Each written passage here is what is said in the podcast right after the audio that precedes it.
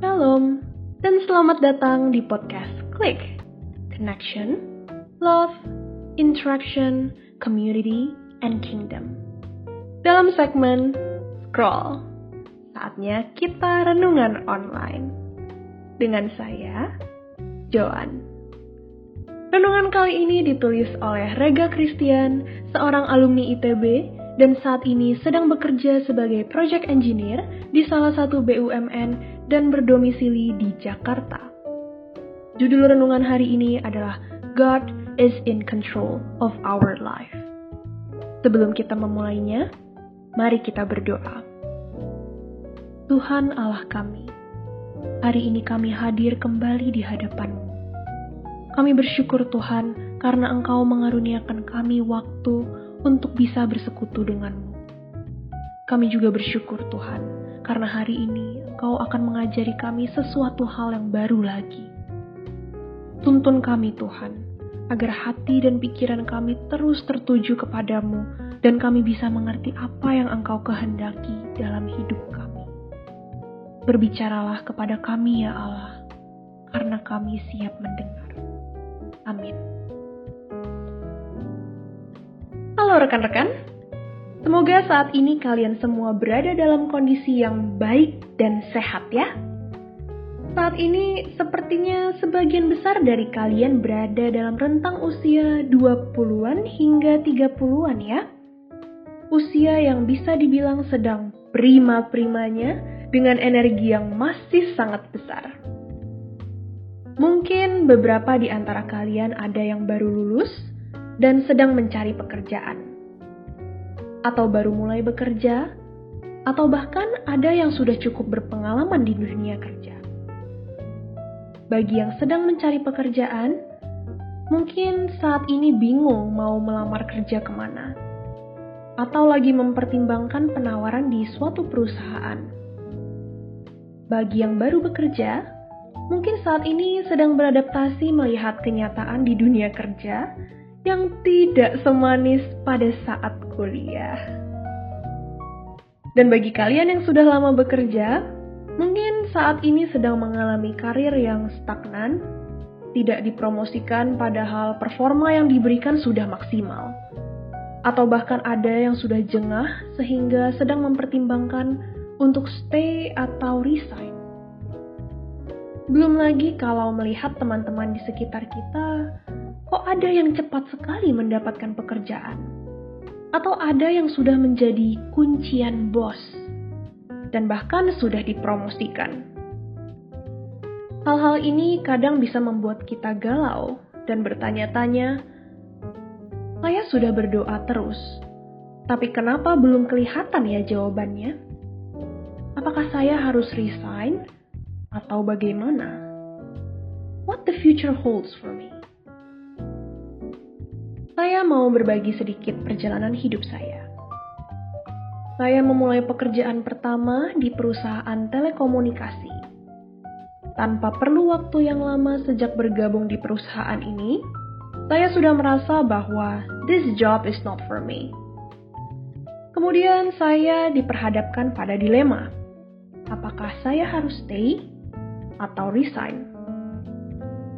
Namun kondisi saat itu kurang mendukung jika saya memutuskan resign dikarenakan penempatan kerja di daerah sehingga kurang memungkinkan untuk saya mencari peluang pekerjaan yang baru. Belum lagi menghadapi pertanyaan dari orang-orang, baru kerja sebentar kok malah resign? Singkat cerita, akhirnya saya pun memberanikan diri untuk resign tanpa mendapatkan pengganti pekerjaan yang baru. Dari sinilah terbersit pemikiran ini. What the future holds for me. Tanpa disangka, setelah resign, saya langsung mendapatkan satu tawaran pekerjaan sehingga saya tidak perlu berlama-lama menganggur. Kesempatan kali ini adalah bekerja di salah satu perusahaan konstruksi swasta. Di perusahaan inilah saya baru berasa mendapatkan dunia saya sendiri. Mulai dari pekerjaan yang sesuai dengan passion, kepercayaan akan tanggung jawab yang diberikan kepada saya untuk aktual aktualisasi diri, hingga lingkungan kerja yang sangat asyik dan nyaman. Namun demikian, karena satu dan lain hal, orang tua saya menyuruh saya untuk mencoba melamar kerja di salah satu BUMN. Saya melamar dan lulus. Dilema datang lagi. Apakah saya ambil pekerjaan di BUMN ini atau haruskah saya stay di perusahaan yang sekarang? Dorongan dari keluarga sangat kuat untuk pilihan bekerja di BUMN. Tapi pada akhirnya, saya memilih untuk stay. Tentu saja keputusan ini menimbulkan kekecewaan bagi keluarga. Seolah-olah saya melepaskan hal yang sangat besar untuk hal yang tidak sebanding. Saya pun menjalani hari-hari di pekerjaan saya sambil terus bertanya di dalam hati, apakah benar keputusan ini yang Tuhan arahkan buat hidup saya?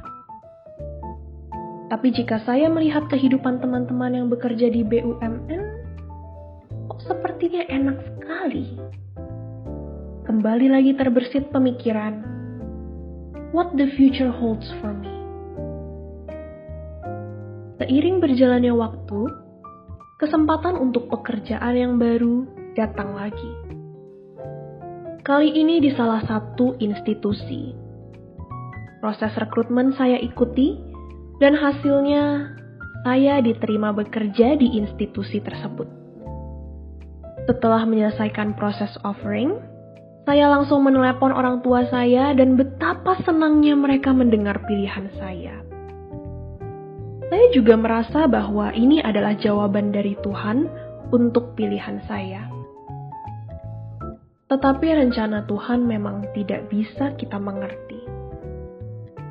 Di saat semangat bekerja sedang berapi-api dan siap memberikan impresi keatasan baru, saya mendapat kejutan lain dari Tuhan. Saya didiagnosa menderita penyakit kanker dan harus menjalani proses pengobatan yang diperkirakan tidak sebentar. Hal ini menimbulkan rasa frustasi, di mana saya pikir semuanya berjalan sesuai dengan keinginan saya. Mengapa justru di situ Tuhan seakan-akan menghentikan dan membalikan keadaan saya? Membalikannya juga tidak tanggung-tanggung, diberikan penyakit yang bisa dibilang kelas berat pemikiran itu lagi dan lagi muncul, what the future holds for me? Well, ternyata Tuhan masih memberikan kehidupan. Bahkan dia memberikan lebih daripada itu kepada saya. Akibat proses pengobatan yang memakan waktu, saya ketinggalan berbulan-bulan lamanya dari teman-teman lainnya. Padahal kami bergabung bersama sejak awal di institusi ini. Saya kehilangan momen untuk impresi ke rekan kerja dan keatasan yang baru.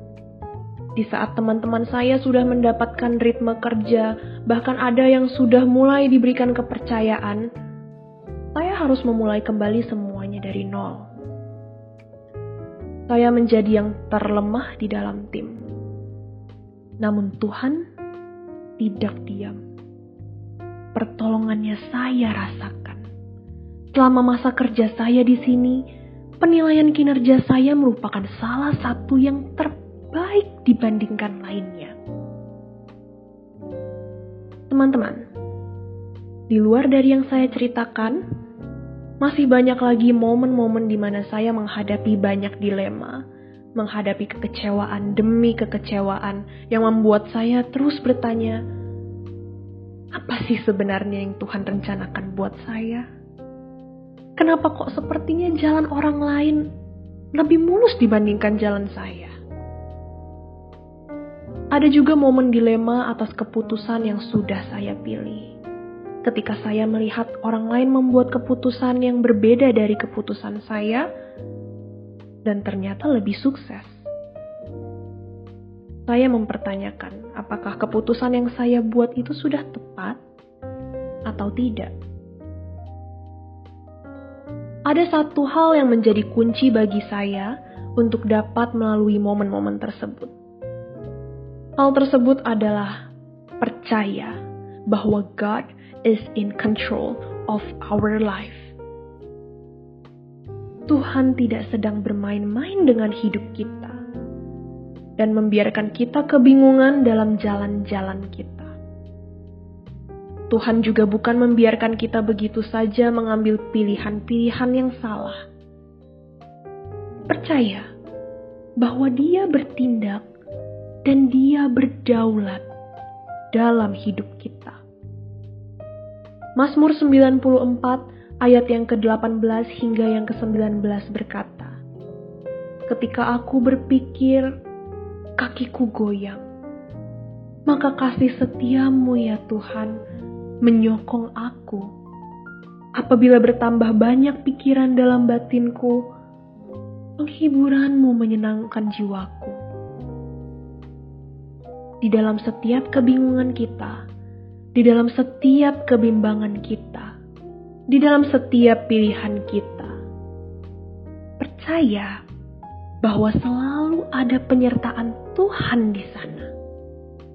Mau kondisi buruk, atau kondisi baik, percaya bahwa Tuhan selalu di samping kita dan God is in control. Dia tahu kekecewaan kita. Dia mendengar doa-doa kita dan dia akan menjawab semuanya itu pada waktunya. Bukan waktu kita dengan jawabannya dan bukan jawaban kita. Pada akhirnya, semuanya akan baik-baik saja, bahkan lebih dari yang kita pikirkan.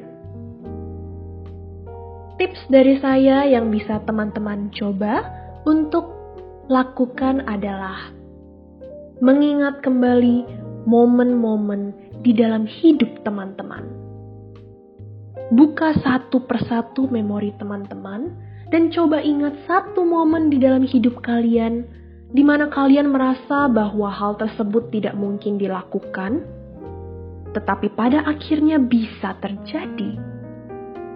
Lalu mungkin teman-teman bisa menyimpulkan, tanpa ada campur tangan Tuhan, tidak mungkin hal tersebut bisa terjadi. Ini adalah bukti bahwa Tuhan berdaulat atas hidup teman-teman sekalian. Dan percayalah, Tuhan hadir dalam hidup teman-teman, baik dulu, sekarang, maupun nanti. Jadi, tetap kuat dan jalani hidup dengan penuh sukacita, karena Tuhan ada di hidup kalian. Selamat menikmati perjalanan hidup bersama Tuhan. Demikian pembacaan renungan hari ini. Semoga dapat membantu teman-teman dalam pertumbuhan iman kepada Yesus Kristus. Untuk kritik, saran, dan informasi lebih lanjut, silahkan kunjungi akun Instagram podcast ini di @clickpodcast.id. Jangan lupa tag ya. Sampai jumpa dalam podcast Klik berikutnya. Tuhan Yesus memberkati.